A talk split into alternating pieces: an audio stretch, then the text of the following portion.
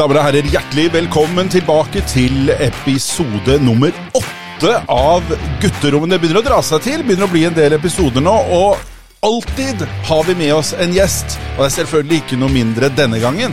Fordi denne gangen så har vi med en gjest som har utmerket seg på ekstremt mange arenaer. Dette er tidligere norgesmester i militær fotball. Han har norgesrekord i fisketypen femtrådet tangbrossme.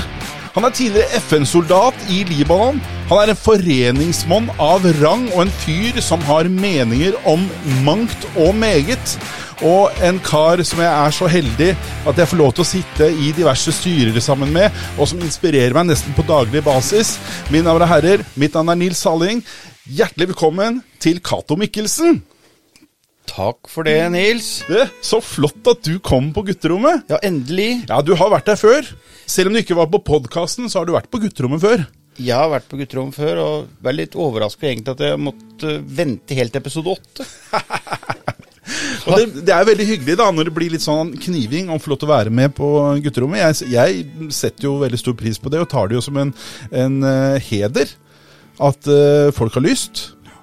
Men du har kommet litt opp på vennelista mi igjen nå som jeg endelig har fått lov å komme hit. Veldig hyggelig. Ja. veldig hyggelig. Står jeg på favorittlista på telefonen din nå? Ja, du er ikke på speed uh, Jeg er ikke på speed dial. Ikke enda, men det, det, kan hende.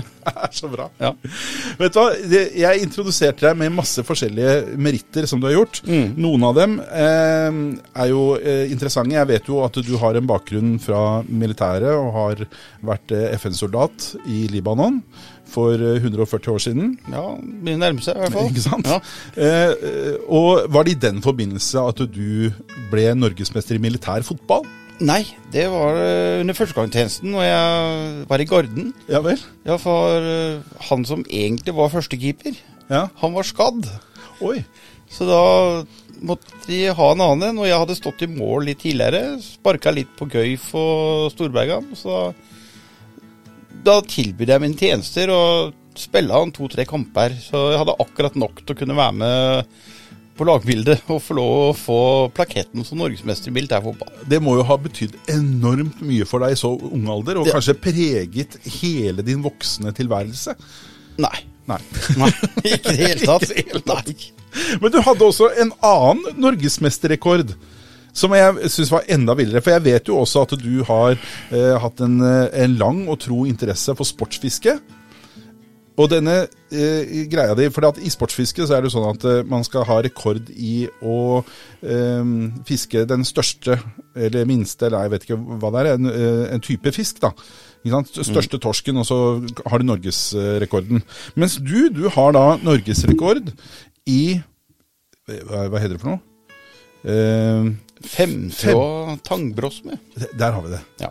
Altså, Jeg har ikke den rekorden mer nå. Den har blitt slått. Jeg tror nye norgesrekorden er 47 gram. Min var på 36. Men det, det, det ble, var, ikke middag, ble ikke middag av den? Det ble ikke middag, det ble ikke suppe engang. For jeg måtte, jeg måtte jo få tatt bilde av den for å få det godkjent. Ja. Og så måtte jeg veie den på en vekt som var godkjent for eh, kjøp og salg. Okay. Så jeg måtte pakke den fisken inn i en eh, brødpose, ta med til nærmeste butikk. Og så måtte jeg legge den på vekta som de har i kassa. Og så så måtte de kjøre ut en kassalapp. For på kassalappen så sto det uh, hvor mange gram han veide. Så jeg tror han ble innveid som reddiker eller noe sånt noe. Jævlig artig. Men, men hva, hva, er det som skjer når du har en rekord i et fiskeslag? Og det var jo ikke store greia, da? Nei da, det, da måtte jeg da Det var da Villmarksliv eller Jakt og fiske, tror jeg, som hadde det. Jeg husker ikke helt. Så måtte jeg da sende papirene inn der sånn, dokumentasjon. Og så registrerte de da det som norgesrekord, for det var ikke fanga da større fisk på sportsfiskeutstyr enn den lille min på 36 gram. Men gikk du spesifikt for den fisken? Nei da. Jeg fiska bare Det var på fisketur. Så, så du var bare tilfeldig? Du kunne like gjerne fått en eh, lange, liksom? Ja, ja, ja. ja. Nei, kanskje ikke lange. Det var ganske grunt. Det var ikke med en åtte-ti meter. Men ja. jeg var på fisketur, og så så jeg en fisk jeg aldri hadde sett før. Og da, Jeg er ganske nysgjerrig av meg, så jeg måtte da bla i fiskeboka, og da fant jeg en. Og Da var jeg glad for at jeg tatt vare på den. Ja. For da var jeg sportsfisker og var opptatt av å ha merke på fiskevesten min og fiskecapsen. Men det må jo være liksom blant uh, de råeste ting man kan oppleve som sportsfisker, å kunne ta en sånn type rekord? Ja da, ja da. Og det vittige var også at eh, det var egentlig også verdensrekord. Wow. Men da måtte jeg registrere den til noe som heter IGFA. Internasjonal eh, Game Fishing Association. Ok. Ja. Og det vil du ikke? Nei, det er så, var så mye hessel. Det var okay. så mye papir å gjøre, og du skulle ha ti vitner, og nesten kongen i statsråd skulle godkjenne det, ikke sant. Så da Det, det, det ble det ikke noe av. Det ble ikke noe av. Så, men det var en tid som jeg drev veldig mye med fiske. Fiska laks og i lågen. Jeg drev med konkurransefiske som havfiske. Så min største fisk der, det er en torsk på 15,2 kilo. Å, fy flate. Jeg tipper Men- den var ganske seig å dra inn. Den var, den var seig. Det var den. Så jeg holdt på med det en god del år, helt til dattera mi blei såpass gammel at hun hadde lyst til å følge litt i farens fotspor. Ja. Og begynne i korps. Fordi du er jo korpsmann også. Jeg er korpsmann. Jeg, Hva er instrumentet ditt? Nå er det slagverk. Ja. Og før var det Tuba. tuba. Ja. Og det er, når man ser deg, så tenker man at eh, dette er en fyr som har lungekapasitet til en tuba. Ja, det har jeg. Og jeg har jo Jeg er ganske enorm, som det i dag heter. Ja, de, du, plutselig- man kan ikke si, eh, bruke andre typer ord nå uten at eh, man skal bli krenka. Nei. Blir du krenka hvis jeg kaller deg svær, liksom? Ja, da Jeg blir ikke krenka. Eller vil du bare høre enorm? Nei, jeg kan heller si at eh, jeg har ganske høy BMI. Veldig bra. Så Nei da, så i hvert fall så Dattera mi begynte i korps. Og jeg syns det er veldig viktig å være med ungene. Bidra. Ja. Så når uh, dattera mi begynte i korpset, så tenkte jeg at det her skal jeg være med på sjøl, for at korpsbevegelsen hadde gitt meg så mye. Og jeg, har jeg bare lyst til å gripe tak i en liten sak du sier der. For at du sier at det er så viktig for deg å være med og bidra. Og så ser vi i dag at den holdningen du viser der, den forsvinner litt. Jeg har liksom inntrykk av at eh, veldig mange foreldre de gjemmer seg bort litt i forhold til barnas eh, fritidsaktiviteter, og har helst ikke lyst til å være med på dugnader og engasjere seg eller eh, stå på sidelinja, i frykt for at de må gjøre noe. Ja, samtidig som at de, de er så veldig opptatt av å kunne fronte seg sjøl på Facebook.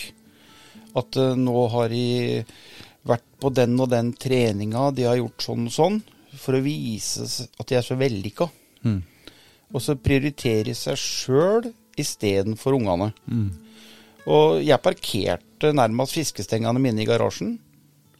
Og engasjerte meg da i hva dattera mi, også sønnen min etter hvert, som også begynte å spille, gjorde da i en totalt en tiårsperiode. Som jeg lot min, mine hobbyer ligge, og så investerte jeg tida i ungene mine og i å engasjere meg i foreningen. Fordi da eh, satt du i styret og var engasjert på den måten, eller? Ja, jeg begynte sånn pent med å komme inn i juniorkomiteen. Ja. Og så, så gikk jeg videre derfra til materiellkomiteen, for jeg er litt sånn fingernem, føler jeg for sjøl. Så jeg var med å skru litt instrumenter og reparere og rigge til før et konsert der. Og så, så endte jeg som leder i korpset til slutt. Wow. Hvilket korps var det? Det var Sanne Moserud. Ja. Det er et ganske stort korps også, med ganske store meritter. Hvordan er det å lede en så stor forening? Altså, på den tida så var vi relativt store, men eh, det begynte å bli ukult å være i korps. Sier hvem? Eh, Det Hvem som sa det, veit jeg ikke, men eh, Når, når snakker vi om nå da? Altså tidsepoke? nå er vi sånn midt på Ja, 2000-tallet, eller? midt på ja, 2005 2000 og, Ja, rundt der 2005-2010. Ja. Så det, var, det er så masse ungdommen kan være med på i dag. Men det var ikke før. Når jeg var med og spilla på 80-tallet, så var vi liksom 80-90 i korpset. I hovedkorpset. Var fotball eller korps? Ja, stort sett. Så en eller annen særing som gikk på speideren og syntes det var kult å lukte bålrøyk. Det var sånn jeg begynte med nærradio, fordi mora mi trua meg til å begynne med fotball hvis ikke jeg begynte med et eller annet. Ja. Ja. Kanskje du hadde hatt litt mindre BMI da, da hadde du begynt med fotball, ikke Kan, nærradio kan hende. Ja. Men du ser åssen det gikk med deg, så jeg vet ikke. nei, ja. Det er i hvert fall så Så liksom steg jeg gradene, og det var ganske vanskelig å drive korps på den tida. Og det er enda vanskeligere i dag. For at uh, en dirigent er gjerne en uh, adjunkt med opprykk i 50-70% stilling. han skal ha like mye lønn om han står og dirigerer foran 17 unger, eller om han står foran 90. Ja, ikke sant. Og er du 90, så er det mange som kan bidra i form av dugnader og loppemarked og sånn for å skaffe penger til korpset. Ja. Men er du 17, så blir det veldig vanskelig. Så da blir det dårlig økonomi, og da blir det enda mer å gjøre på de foreldrene som er med. Og da spesielt de foreldrene som faktisk engasjerer seg. Ja. Er det sånn at du på et eller annet tidspunkt følte deg litt utbrent, eller? Ja, ikke utbrent, men øh, jeg var vel mer oppgitt over øh, alle de foreldrene som kom i full fart inn i skolegården og rakk nesten ikke å stoppe bilen før ungene var ute. Og så kjørte igjen. De bidro aldri. Og der er ikke jeg. Jeg syns det er viktig å kunne bidra. Jeg snakka med en eh, fotballtrener her for eh, noen dager siden. eh, som fortalte en litt sånn tilsvarende historie. At de sleit med å få foreldre til å kjøre når de skulle spille av gårde et eller annet sted. Eh, det var vanskelig å liksom, få folk til å engasjere seg på den måten. Og så sa han det at de verste av disse foreldrene, det var de som liksom leverte ungene langt unna banen for at ikke de skulle se at de ble kjørt. Ikke sant? De ville ikke vise at de engasjerte seg i det hele tatt, liksom. De ville helst bare være borte og usynlige. Ja, det er håpløst. Og Det er jo helt håpløst. Ja, jeg husker når eh, sønnen og dattera mi var med på Runar og spilte fotball, så tok jeg på meg trenerjobben. Mm. Ja. Fordi at da kunne jeg være med å påvirke eh, terminlista. Mm. Og da kunne jeg sette opp treningstider og kamper ut fra min timeplan. Mm. Og da fikk jeg vært med hele tida, og var tidlig ute og satt opp kjørelister. Det første som ble levert ut når vi hadde fått terminlista fra kretsen, det var kjørelister over hvem foreldre som skulle kjøre til hver kamp. Mm. Og da satt jeg alltid opp én bil for mye. For da hadde det alltid noen som ikke møtte eller ikke kunne, eller ikke klarte å bytte. Ikke sant? Men så fikk vi da ungene De fikk jo da med foreldrene sine, og så at de var engasjert i det de drev med. Og da er det liksom når du scorer et mål, eller om du spiller en flott solo på musikken, og så ser du ut i publikum at der sitter uh, mora eller faren din eller en annen foresatt, så liksom Du blir litt stolt. Ja, det er klart du gjør Ja. det. Det er kjempeviktig. Ja. Kjempeviktig. Det er det. Og jeg tror det at eh, eh, de fleste foreldre som engasjerer seg, vil også etter hvert finne mye glede i det å engasjere seg. Det er jo et veldig fint sosialt samhold blant foreldrene også, er det ikke det? Jo, det er det, og det merker jeg spesielt fra, fra musikken. For de jeg har sett som har engasjert seg virkelig, da, i særlig korpsbevegelsen i Sandefjord, som jeg kjenner til, det er da folk som jeg spilla sammen med på 80-tallet. De finner jeg jo igjen nå i styrene rundt omkring. Så det er lite nye folk som ikke har eh, bakgrunn fra korps, som går inn og tar verv. For at eh, det er det dummeste du kan gjøre, det er altså si ja til et verv bare for å si ja. Ja. Du må brenne for det, du må være engasjert. Sånn sleeping partners, det, det har du ikke bruk for, det er bare, det er bare listefyll. Det er bare listefyll. Ja. Du må ha folk som har lyst til å gjøre en jobb for den foreningen de representerer. Og jeg nevnte jo innledningsvis at du og jeg, vi sitter jo i eh, noen foreninger sammen. Ja. Uh, og jeg har jo merket det på deg, at du er jo en fyr som er veldig engasjert, men du forventer også at andre bidrar. Du liker ikke det at folk sitter på sidelinja og egentlig bare nyter godene? Nei, egentlig ikke. Jeg gjør ikke det, men jeg vet jo at det er sånn. Ja, men jeg tenker, jeg, jeg er veldig enig med deg. da. Jeg syns det er viktig at når man har sagt at man skal engasjere seg, så må man bidra. Ikke sant? Det kan være greit at du kanskje ikke er med hver eneste gang, men du må være med på noe. Du må ha noen ting som er dine greier. ikke sant? Mens vi, har jo begge opplevd i forskjellige foreningssituasjoner at man har med seg folk f.eks. i et styre som knapt nok kommer på et styremøte. Og da, blir det, da blir det litt sånn for meg eh, Da forstår jeg ikke hvorfor de er med. Er det for at det skal være flott å ha en tittel i et styre, liksom? Er det det som er greia, eller hva er greia, liksom? Det er nok det, tror jeg. At de, de, de takker ja for å, for å bare takke ja. Og så har de kanskje ikke tid eller eh, mulighet til å kunne bidra på den måten som det er tiltenkt at de skal gjøre i en sånn type verv de har takka ja til. Men tenker du at det kan være at det er egentlig gode intensjoner? At de gjør det fordi de genuint har lyst, men så kanskje det svikter litt når eh, hverdagen kommer og tar dem. Ja, det kan fort hende. Eller at eh, livssituasjonen forandrer seg. Det også kan jo skje. Ja, At du kanskje må bidra mer hjemme eller eh, på jobb. Men hva tenker du man må gjøre da, hvis man havner i en sånn situasjon? Man har meldt seg frivillig eh, til å hjelpe til, men så er det noen endringer. Hva gjør man da? Altså, Det beste å gjøre det er å ta det ved rota med en gang du ser at det nå, nå skjer noe. noe. Og gi beskjed da til leder i foreningen at eh, nå da har ikke jeg mulighet til å kunne bidra som forventa pga. at sånn og sånn har skjedd.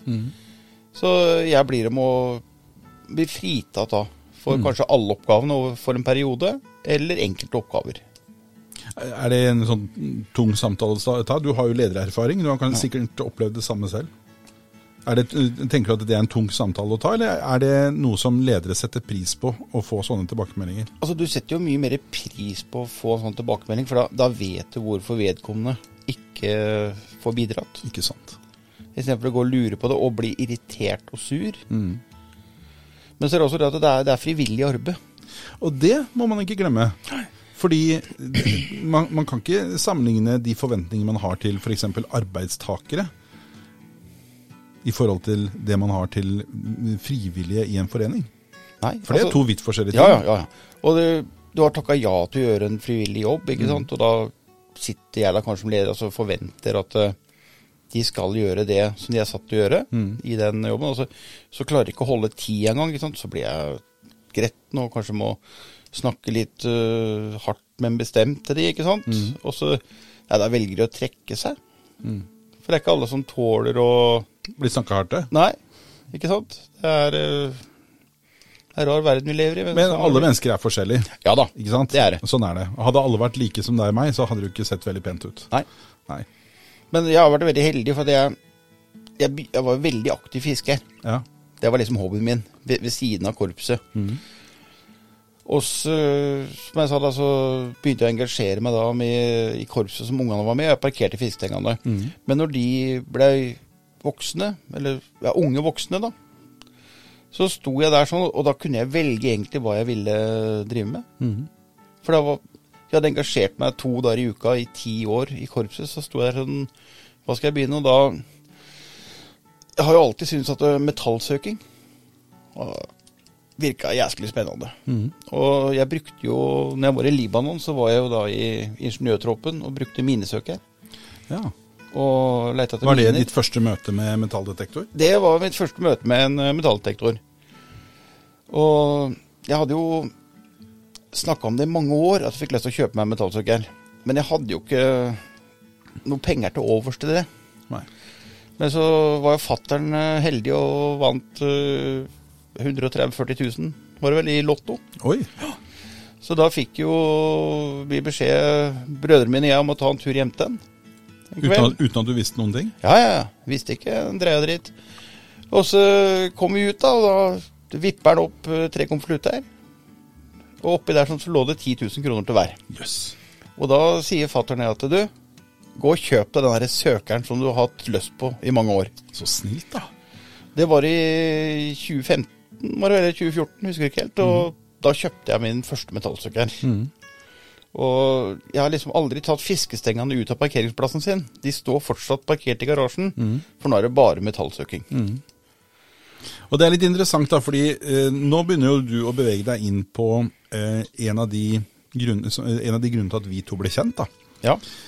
Fordi eh, jeg hadde også en tilsvarende historie hvor jeg lenge hadde tenkt på dette med metallsøk. Og så har jeg alltid vært veldig glad i å se på sånn History Channel og sånt noe. Og det var vel på History eller Discovery eller en av disse kanalene, så var det noen amerikanere som drev med metallsøker.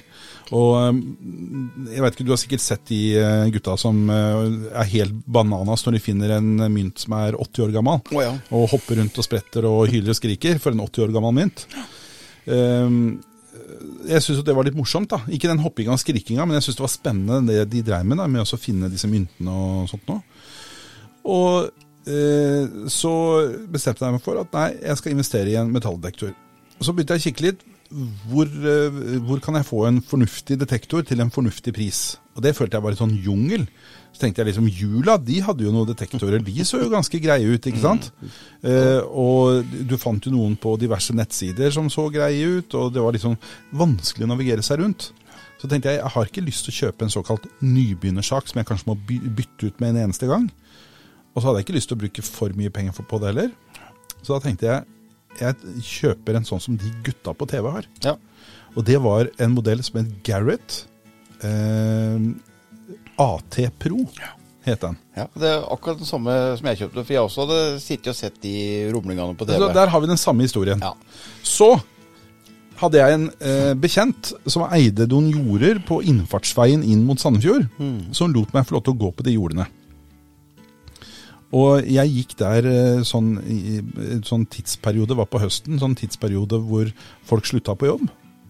Så gikk jeg der og tusla på jordet, og plutselig så kommer en fyr gående mot meg. Og han het Per. Og så sier han eh, han lurer på hvem jeg var og uh, sånt noe, da, for han også drev med metalldetektor og syntes det var veldig spennende at jeg gikk der og greier. da. Mm. Og så sier han at han kjente to andre som også drev med metalldetektor. Og lurte på om eh, han kanskje kunne ringe dere og høre om dere hadde lyst til å komme bort og hilse på. Og det gjorde han.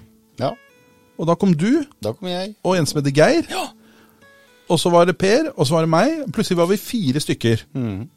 Og jeg vet ikke om vi var eh, de fire eneste i Sandefjord som dreiv med dette. Det tror jeg ikke. Nei, helt men, sikkert ikke. Men eh, vi var i hvert fall fire karer som møtte hverandre veldig utpå det jordet. Mm. Dette her var i 2016.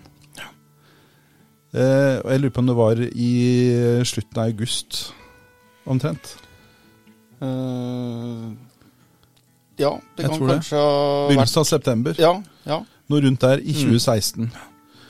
Og så kom da denne, eh, dette forslaget opp. Vi skulle ikke starta en klubb, da. Mm. Sånn lokal klubb eh, for Sandefjord, liksom. Jo, hvorfor gjør vi ikke det? Nemlig. Og så ble vi Firebanden. Da ble vi. Firebanden, og- Firebanden, og så starta vi klubben. starta vi klubben, og jeg satt og leste litt, uh, kikka litt på Facebook i går, på klubbsida vår, og da hadde jeg skrevet det at uh, nå har vi runda 20 betalende medlemmer. Ikke sant? Og det var uh, i desember 2016. Ja. Samme året som vi starta opp. Ja. Uh, og da het vi Sandefjord og Omegn Metallsøkerklubb. Mm. het vi da. Og vi tok med omegn, for vi tenkte at det er jo hyggelig om eh, de som bor i Larvik og Tønsberg og sånn har lyst til å være med. ja. Eh, og det hadde de jo. De hadde det. Ja. Det Så det kom jo folk fra nær og fjern. Det gjorde det. Og vi, vi som starta klubben, vi satt jo i styret. Det var naturlig nok. For Ja. vi måtte jo ha et styre når vi starta, og hadde våre oppgaver. Så Men at det skulle bli såpass mye å gjøre etter hvert på oss alle, det hadde jeg vel ikke helt sett for meg når vi sto på jordene ved innfartsveien og snakka sammen første gangen. Liksom så det har gått fort fra 20 betalende medlemmer til 270. 270 medlemmer som vi har i dag. Ja. Og vi har jo skifta navn underveis, Vi har skifta navn. så vi heter jo ikke lenger da Sandefjord og omegn. Nå heter vi Vestfold og Telemark, så vi har jo da utvida vårt geografiske distrikt i takt med at fylkene ble slått sammen også. Og selv om fylkene nå skal øh, skille seg, da, så har vel vi egentlig tatt avgjørelsen at vi skal ikke skille oss. Vi Nei. skal fortsatt øh, være ett fylke, i hvert fall én klubb, En klubb. i to fylker. I to fylker. Og vi har jo også medlemmer fra, fra nordfylkene, fra Viken og Absolutt. nedover Sørlandet. Og vi har til og med medlemmer fra Danmark Ja da. Og Sverige. og Sverige. Ja. Så dette her har jo eh, tatt litt av fra en gryende tanke ute på et eh, jorde med fire karer som fant hverandre i en hobby, til å bli en veldig stor eh, forening, klubb, eh, med eh, et tresifra antall medlemmer og et veldig høyt aktivitetsnivå. Og når jeg sitter og ser på deg nå, Cato, jeg, jeg digger jo liksom engasjementet ditt, det har jeg sagt til deg så mange ganger. Så går du med en T-skjorte nå. Du er, du er Mr. T-shirt. Du lager T-skjorter sjøl med det trykket du har lyst på. Ja. Og eh, da kan det stå de rareste tingene. På de T-skjortene dine. Det morsomste er vel kanskje den I'm a swinger. Da ler jeg godt hver gang jeg ser den. Når du er svinger, svinger metalldetektor, da kaller du det swinger. Det er Ja. kjempemorsomt. Men den T-skjorta du har nå, vi skal ta bilde av den sånn at de som eh, går inn på Facebook-gruppa vår, de kan få se eh, T-skjorta di. For der står det nemlig Vaffelonsdag. Fortell hva det er for noe, Cato. Ja, at, eh, jeg syns det er veldig hyggelig å, å samle folket i, i klubben. I hvert fall nå som vi har fått så, etter hvert fått så flotte klubblokaler. Og jeg har, jeg har tid til det, for at nå har jeg voksne unger som har flytta, og liksom Madammen er ikke noe plunder med, hun er på jobben og hun har sitt å stri med. Og jeg har masse tid over som jeg har lyst til å bruke på meg sjøl og på andre. Og da prøver jeg å arrangere klubbkvelder på onsdagene. Og så var det litt sånn tregt oppmøte, så tenkte jeg greit, vi får prøve med litt vafler. Så kjørte vi en onsdag med vafler, og det var bra oppmøte. Så prøvde vi en onsdag uten, det var ikke så bra oppmøte. Da tenkte jeg greit, da prøver vi vafler igjen. Da kom det masse folk, og etter det så har det blitt av vaffelonsdag. Det er jo Ja, kjempemorsomt. og da Hvor mye jeg må man eh, betale for de vaflene? Nei, du, det er gratis. Gratis vafler. Ja, ja. Du er jo medlem i, i klubben. Betaler en kontingent. Det er sånn på 300 kroner i året. Og det, det dekker vafler og brus og kaffe og sånne ting. Og så har vi etter hvert fått god økonomi. For jeg er jo kasserer i klubben, og jeg syns det er moro å, å være engasjert i en klubb som gjør det bra. Og det er veldig masse fond og legater rundt omkring som det går an å søke om støtte til og midler fra. Og vi har vært veldig heldige, for vi har fått øh, hvert år så har vi fått øh, betydelige summer fra sånne fond legat. Fordi det du gjør da, er at du skriver en søknad til disse med eh, et eller annet prosjekt som du har gående, som du trenger penger til. Ja. Og eh, Kan du gi noen eksempler på hva slags type prosjekter det er? Nei, vi, vi fant jo fort ut når vi starta klubben at øh, det er veldig mange rundt omkring som har lyst til å lære den hobbyen vår. Og åssen det fungerer. Lover og regler, ikke minst. Og da var vi der i kontakt med Kulturarv i Vestfold, som det het en gang. Vestfold fylkeskommune? Ja. Og så var det at vi var interessert i å arrangere et kurs I For- metallsøking. i metallsøking. Mm. Et nybegynnerkurs. Og da fant vi også ut at de hadde jo da eh, midler som vi kunne søke om å få for å arrangere kurset. Ja. Og da ble vi ganske fortjent at kurset må være gratis, for da kommer folk. Og det skrev vi også da i søknaden, at vi skulle lære folk opp gratis. Og da har vi hvert år da siden 2016 fått støtte fra Kulturarv Vestfold Telemark fylkesantikvaren for å arrangere kurs. Og så har vi da hatt noe Fikk da lyst til å kunne ha gode foredragsholdere her i lokalene våre. Og lære oss enda mer, alle sammen. Men det er jo ikke alle som bor i Vestfold. Vi har jo medlemmer eh, ganske spredt. Og for at de skal slippe å sette seg i bilen og kjøre to og en halv time for å høre på tre kvarter foredrag, så fant vi ut at vi under koronaen at vi, vi kan jo begynne å streame. Og bruke Zoom og sånne ting. Ja, og Zoom det er jo en, en sånn eh, plattform à la Teams, Ja. hvor man kan da eh, ha det som kalles en videokonferanse med mange deltakere. Og, da, og sånt utstyr er jo dyrt. Ja, det koster jo litt når Det man skal ha det, i hvert fall med litt ordentlig eh, kvalitet på det. Ja.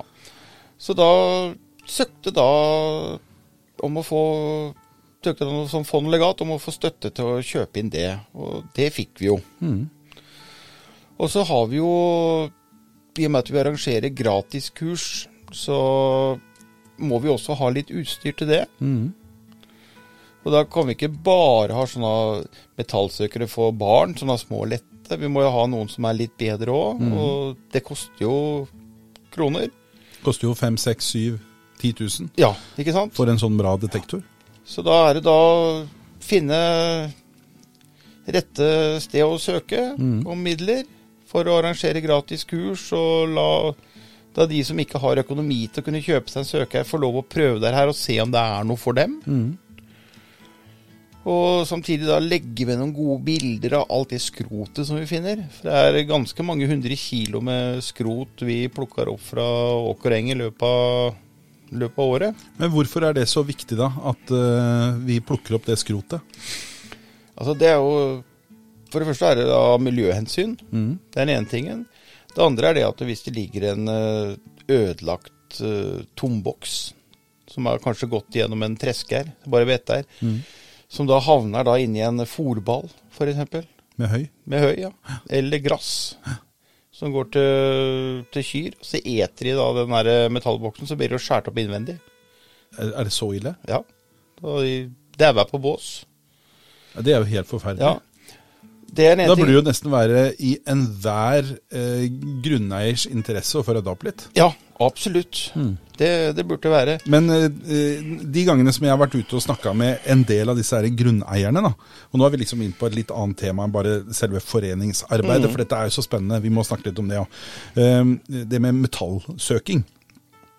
Eh, når jeg snakker da med noen av disse grunneierne, så er det sånn at eh, ja, du kan gjerne få lov til å gå ut på jordet her, men finner du noe, så holder du kjeft. Ja. Hva tenker du om det? Nei, det syns jeg Det er veldig dårlig gjort. For at de, de, de vet ikke lover og regler på det. Hva sier loven, da? Nei, det, det sier jo det at alt du finner som er eldre enn 1537, det skal jo innleveres. Og du får jo ikke noe utgravning på jordet ditt selv om en finner noe. Men det er noen, mange som tror, da. Ja. De sier at jeg vil ikke ha sånne teskjekjerringer gående på jordet her. Og da tenker de på at de vil ikke ha arkeologer som skal forstyrre på jordet og Ja. kanskje gjøre at ikke de kan dyrke, eller at det blir kostnader for dem. Men er det en myte? ja. Det er en myte. Hvordan er det det fungerer i praksis, da? Det fungerer i praksis at du, det du finner som blir registrert, det får en sånn liten R på kartet. At det Ja. er ikke sant, det kan ha vært inne og registrert et løsfunn. Så og Jeg har sjøl vært med å finne tre graver som lå innafor 50 meter. Og det er ikke lov å søke med metallsøker der mer, akkurat på det lille området. Men bonden han både pløyer og sår hvert år. Så det Husker jeg rett, noe. hvis de gravene du snakker om nå, så fant eh, du eh, noen vanvittig flotte spenner. Mm, Stemmer det? stemmer. Kan du fortelle om de? Ja, Det ene var jo en uh, skålspenne fra rundt 800-tallet. Som var ganske intakt, var den Den ikke det? var eh, veldig intakt. Jeg mangla vel bare akkurat nåla bak. Nålfestet var her. Og det er ganske unikt å finne en sånn uh, intakt spenne. Ja. Det, For jeg, jeg tror ikke jeg kjenner noen andre som har funnet det. Jeg har også funnet skålspenn, men jeg har bare funnet fragment. Ja. Nei, så jeg har vel ligget fint, da. Ikke blitt kjørt i hjel av traktor og vært tatt av plogen. For det, nå er du inne på noe annet igjen. ikke sant? Dette med at eh, disse gjenstandene som ligger ute på jordene, da, de blir jo tatt av plogen. Og utsatt for kanskje kjemikalier eh, i form av gjødsel og alt mulig sånt Mm. Hvordan påvirker det de gjenstandene? Ja, de korroderer bort til ingenting. Og de blir sprø. De blir ødelagte.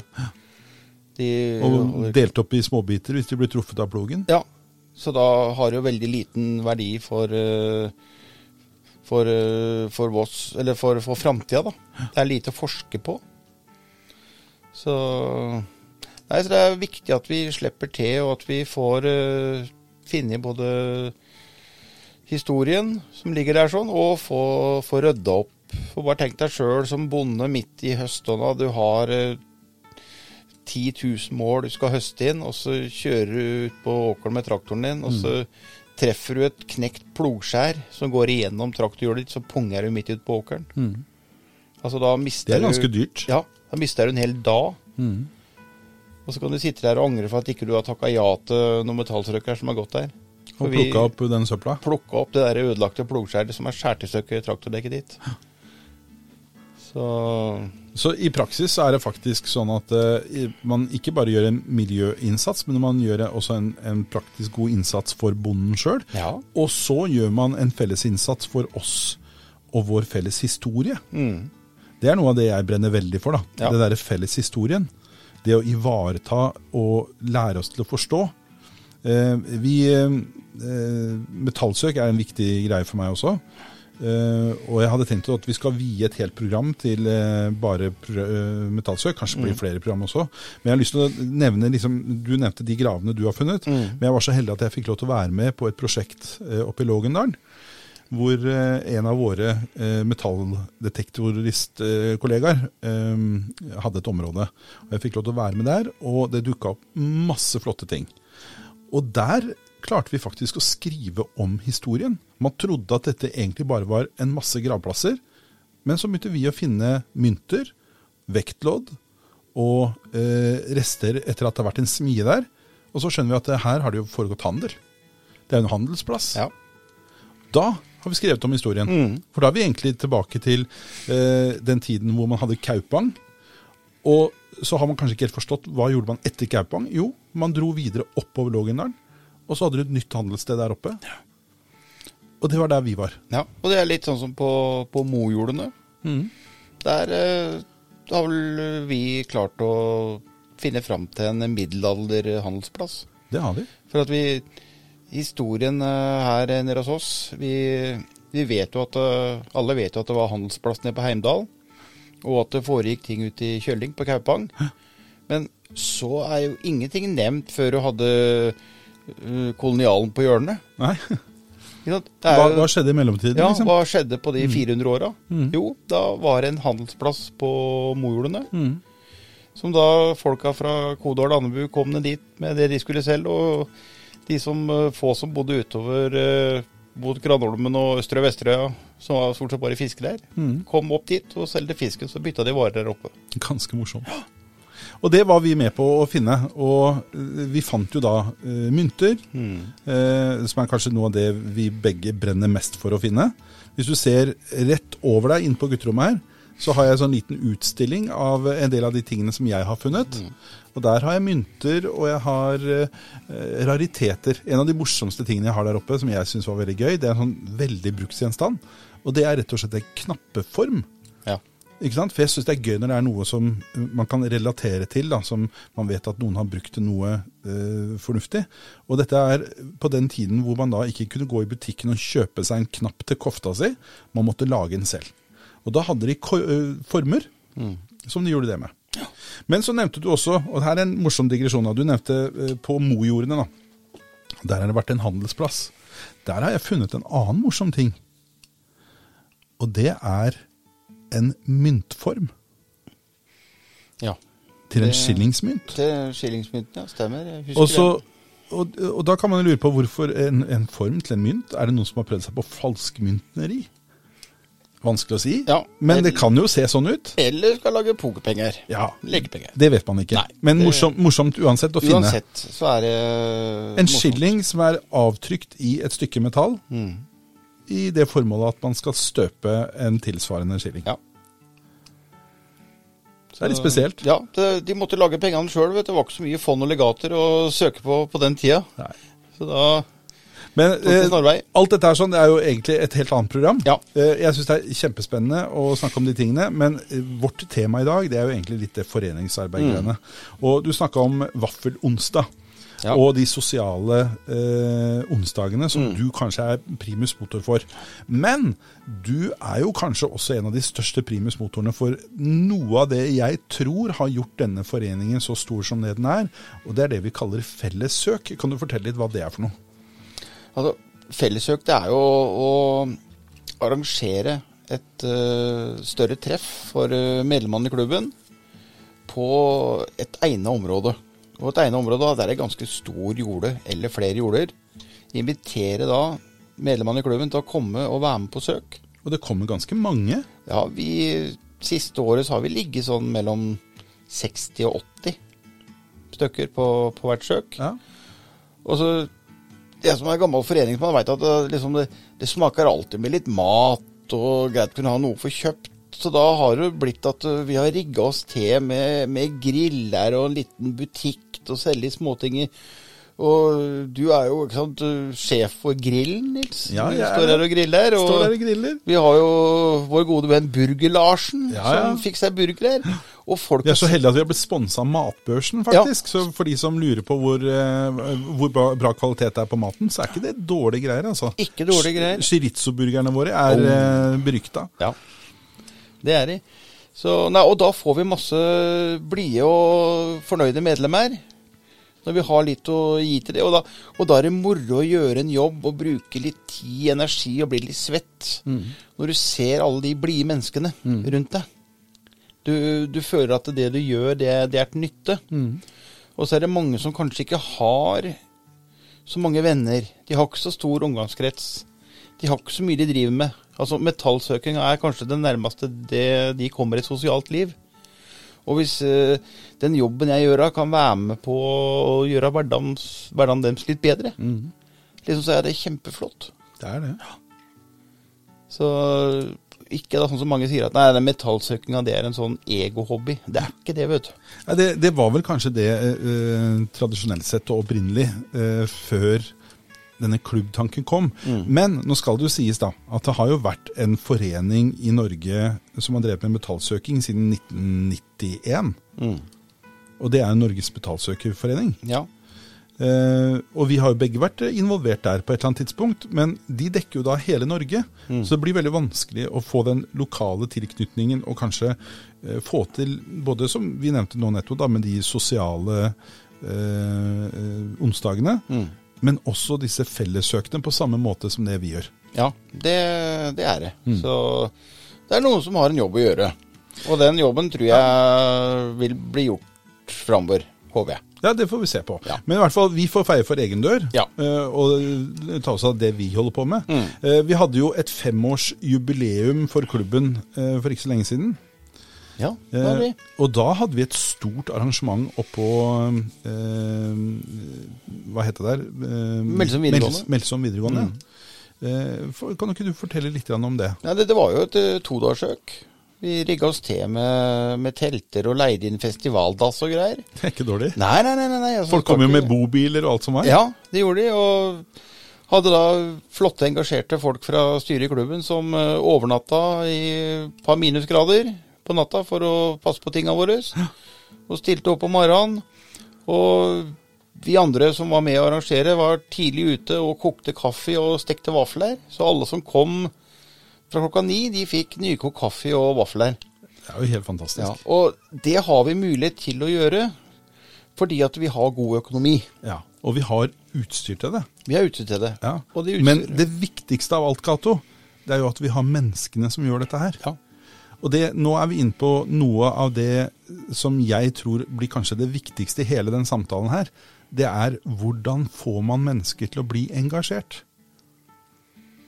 Ja, Jeg vet ikke. Altså, for min egen del så er det at jeg har tid til det, og jeg brenner for det. Jeg syns det er morsomt. Ja, hva, er det som, hva er det som engasjerer deg? Hva er det som gjør at du brenner for foreningsarbeid? For det er jo ikke, Vi kan jo si at uh, metalldetektorbiten er viktig for deg, men helt ærlig, Cato. Du må søke mindre fordi du engasjerer deg så mye. Ja, Så det går egentlig utover din egen drykking av hobbyen din. det gjør jeg. Det at du engasjerer deg så mye. Og da er vi kanskje eh, helt tilbake til også sånn det var med korpset. da. Du engasjerer deg så mye i foreningsarbeidet i korpset at du får ikke spilt så mye lenger. Nei, det fikk jeg heller ikke den gangen. Men det er, jeg tenker på sånn at det, jeg, jeg får tid likevel. Og så er det moro å kunne være med og bidra og se gleden. Se gleden til andre. Men er det det som er motivasjonsfaktoren din? Ja, å få den gleden? Ja, det er mye av motivasjonen. Å se at andre kan kose seg og ha det, ha det bra. Fordi i motsetning til korpset, hvor du gjorde det for dine egne barn og andre barn, så er det veldig lite barn i den foreningen du har engasjert deg i nå. Ja, det er det stort sett bare voksne, og kanskje også mye eh, menn. Og det, selv om vi har kvinner, men det er overvekt av menn. Ja da. eh, og menn da i alderen 40 pluss. Det er det. Nei, så jeg, vet ikke, men jeg, men jeg syns det er moro å kunne, kunne bidra. Altså håper jeg kanskje at det kan, kan smitte over på andre.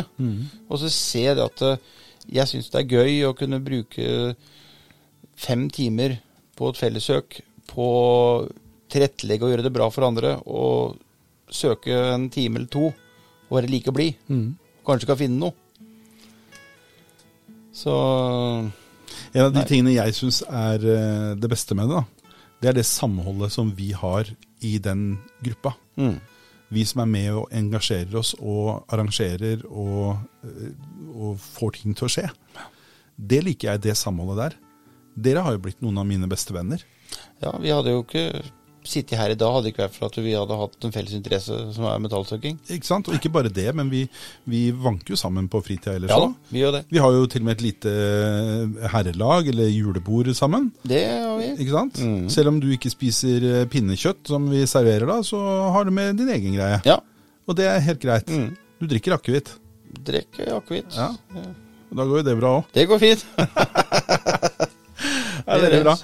Men eh, hva tenker du fremover da om denne foreningen her sånn, og hvor lenge skal du klare å engasjere deg, eh, engasjere deg i, på det nivået som du gjør nå?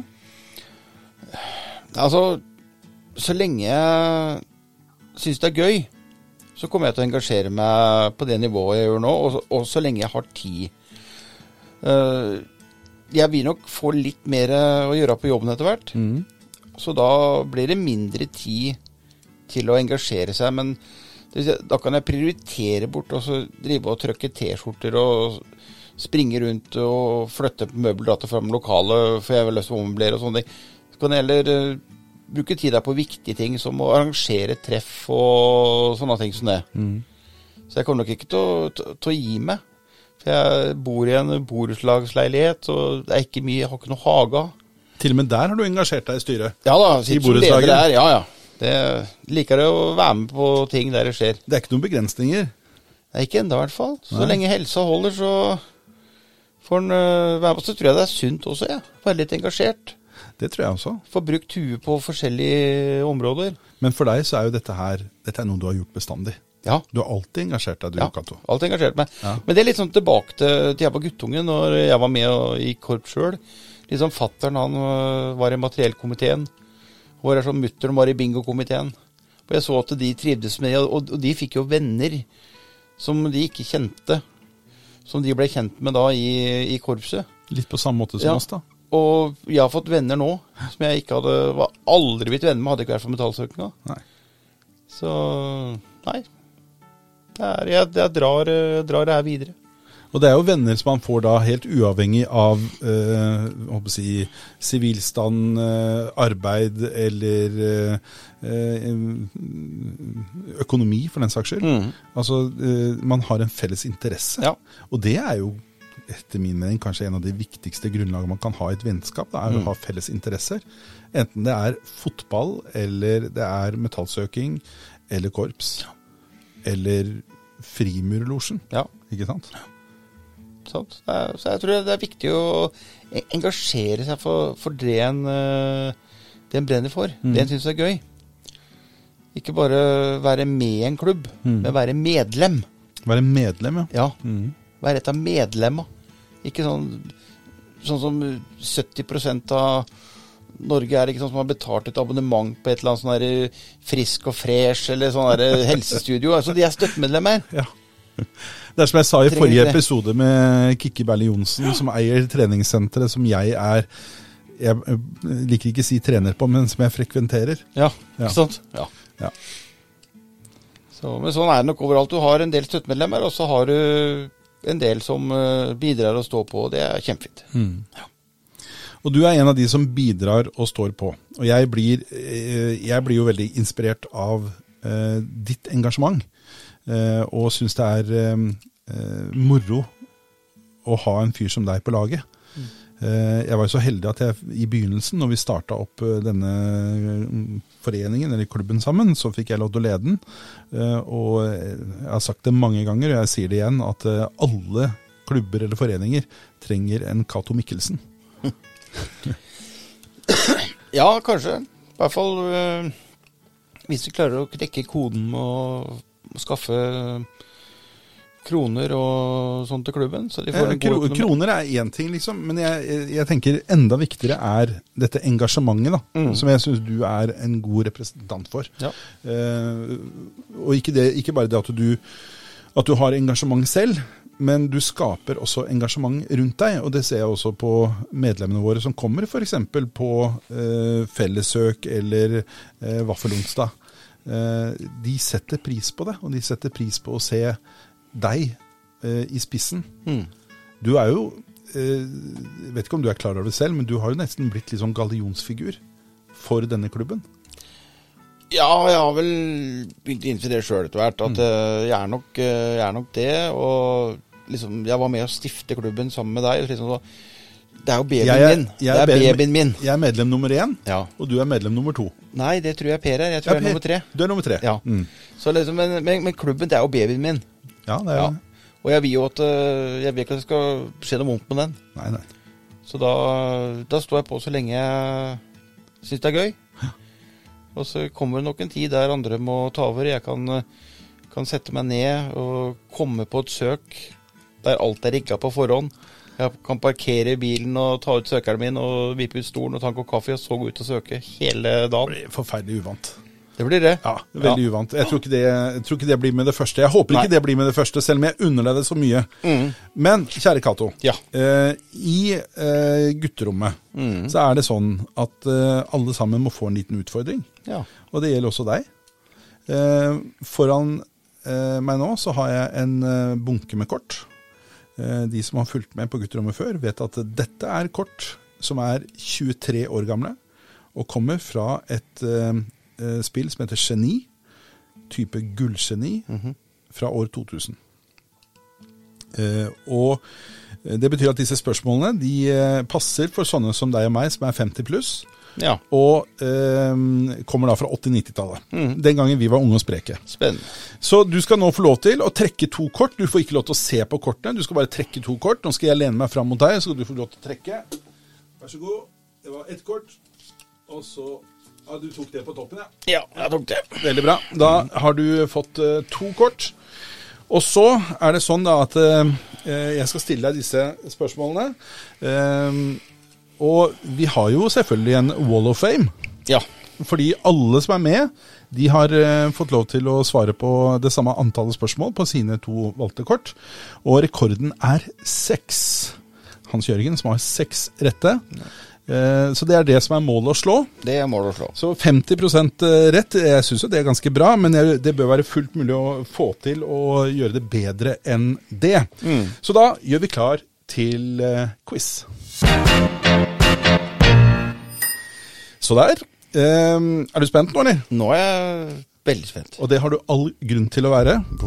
Fordi det første spørsmålet ditt, Cato, det er Hva het Jerusalem på det norrøne språket? Passa bra for deg.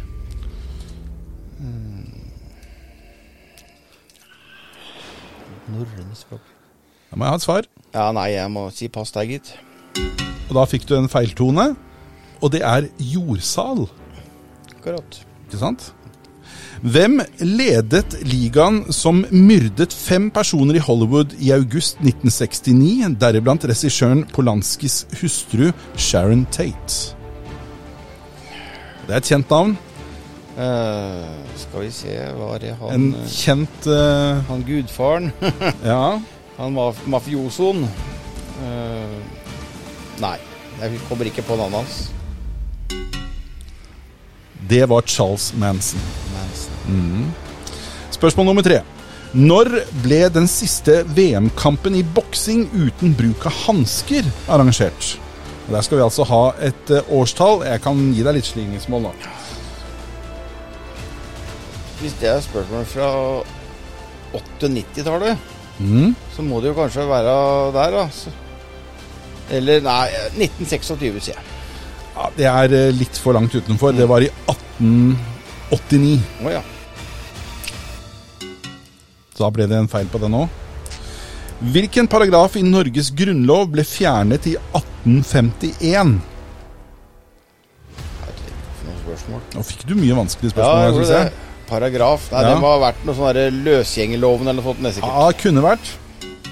Men det var jødeparagrafen. Denne her tror jeg du tar.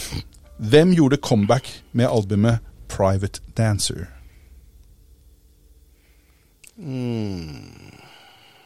Hvem gjorde comeback med albumet Comeback. Private Dancer? Må jeg ha et svar? Nei Ingen forslag? Tina Turner. Tina Turner. Når ble penicillinet brukt for første gang, Cato Mikkelsen? Mm, nei, skal vi se Prøve 1896. Ja, det er bra forslag, men det var under andre verdenskrig på sårede soldater. Å, just. Ok, Vi er over på kort nummer to. Ja. Og neste spørsmål er I hvilket land ligger kurstedet som er kjent som Marienbad? Sverige. Det hadde jeg gjetta, jeg også. Men det var ikke det. Det er i Tsjekkia. Hvilken omtalt britisk forfatter døde i år 1900 under sin flukt til Frankrike?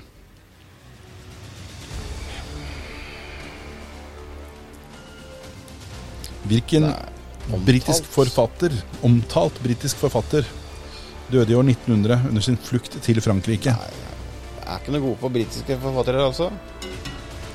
Oscar Wilde. Oscar Wilde. Mm, men du har jo hørt navnet? Jeg har hørt navnet. Ja. ja, ja. Du har vært litt uheldig med spørsmålene Jeg her. har ikke vært så heldig. Jeg har vært dårlig med sport. For eh, hvilket land eh, konkurrerer sprintløperen Frankie Fredericks, som bl.a. ble verdensmester i Stuttgart på 200 meter? Jamaica. Kunne vært det, Kan men det er ikke det. Det er Namibia. Namibia. Ja. Hva heter guden i hinduismen som ødelegg, eh, ødeleggeren i treenigheten? Hva heter guden i hinduismen som er ødeleggeren i treenigheten? Altså, jeg kan ikke noe om verken noe av det, så det Nei. Det er ikke lett. Nei. Det var ikke lett. Da må jeg gi deg feil på det nå. Ja. Og riktig svar er Shiva. Shiva. Du har to spørsmål igjen, eh, Cato. Du har fortsatt muligheten til å komme på poenglista. Hva het debutalbumet til Snoop Doggy Dogg, som gikk rett til topps på hitlistene i USA? Jeg blir imponert hvis du tar den. Nei, holdt på å si Det er kanskje ikke helt din uh, Nei, det er ikke det. Nei. Nei, den må jeg bare melde pass på, altså. Den het Doggy Style. Doggy style. Siste spørsmålet, siste Ja, muligheten. ja. Cato Mikkelsen. Trenger et poeng nå. Nå trenger du et poeng. Hva brukes et boblekammer til i fysikken? Uh, til å rense metall. Et bra forslag, Cato. Men det er ikke det. Nei. Riktig svar er det er et apparat som brukes for å studere partikler med høy energi. Oi. Det var veldig uheldig med spørsmålene. Det ble ingen riktig. Nei, jeg kommer ikke på lista engang. Du kom ikke på lista engang. Jeg får komme tilbake en annen gang, da. Men eh, vet du hva? Jeg, jeg syns eh, Egentlig så var du litt for uheldig med spørsmålene. Ja. Det kunne jo eh, med fordel vært litt enklere. Jeg tror jeg hadde slitt, jeg også, med de spørsmålene. Du tror det, ja? Men du, du er jo eh, egentlig en veldig kunnskapsrik eh, fyr. Altså, Du kan litt om det meste. Det er i hvert fall sånn mitt inntrykk Ja, er. da. jeg kan egentlig. Jeg ble litt skuffa nå, altså. Ja. Tror jeg må lese meg opp på hinduisme og litt av hvert. Men eh, er det eh, fordi at spørsmålene var gamle, tror du? Nei. Jeg har alltid vært eh, interessert i, i nyheter og historie. Sånn samfunnsengasjert har jeg alltid vært. Ja. ja. Hva er det neste for Cato Mikkelsen nå? Hva er det som står på tapeten i tida framover? Eh, nei, altså jeg skal jo på en tur til England, da. Og søke litt der. I Derm. Så moro. Ja, og så skal jeg en tur med Tierbanden til, til Skottland.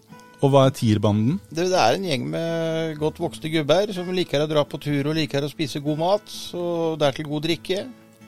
Så vi skal til Edinburgh på gin og ølsmaking.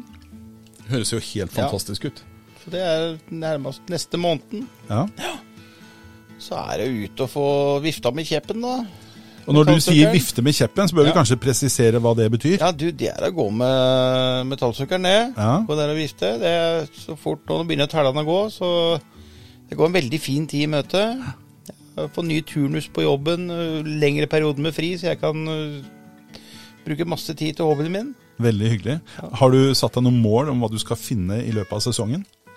Jeg har veldig lyst til å finne en uh, terning i bly. Det har jeg Ja. ikke funnet før. Mm. Altså Nei, jeg vet ikke. Det er uh, jeg har visst det, men jeg husker ikke nå. Vet du hva, Cato? Det har vært fantastisk gøy å ha deg på gutterommet. Hyggelig å komme hit. Du er en eh, utrolig inspirerende person. eh, som jeg er veldig glad for at jeg har fått lov til å bli kjent med. Og jeg gleder meg til vi skal ha uh, mye moro sammen. Nå først og fremst så blir det jo England som blir det neste store for oss. Uh, tusen takk for at du kom. Takk for at jeg fikk være med. Og takk til alle dere som uh, lyttet og hørte på. Uh, hvis dere har lyst til å finne ut mer om hva Cato driver med, kanskje se noen av de funnene han har gjort også, så kan dere gjøre det på Facebook-gruppen vår. Bare gå inn på Facebook, skriv 'Gutterommet', og så finner dere oss der. Vi høres igjen om én uke. Mitt navn er Nils Halling. Ha det bra så lenge.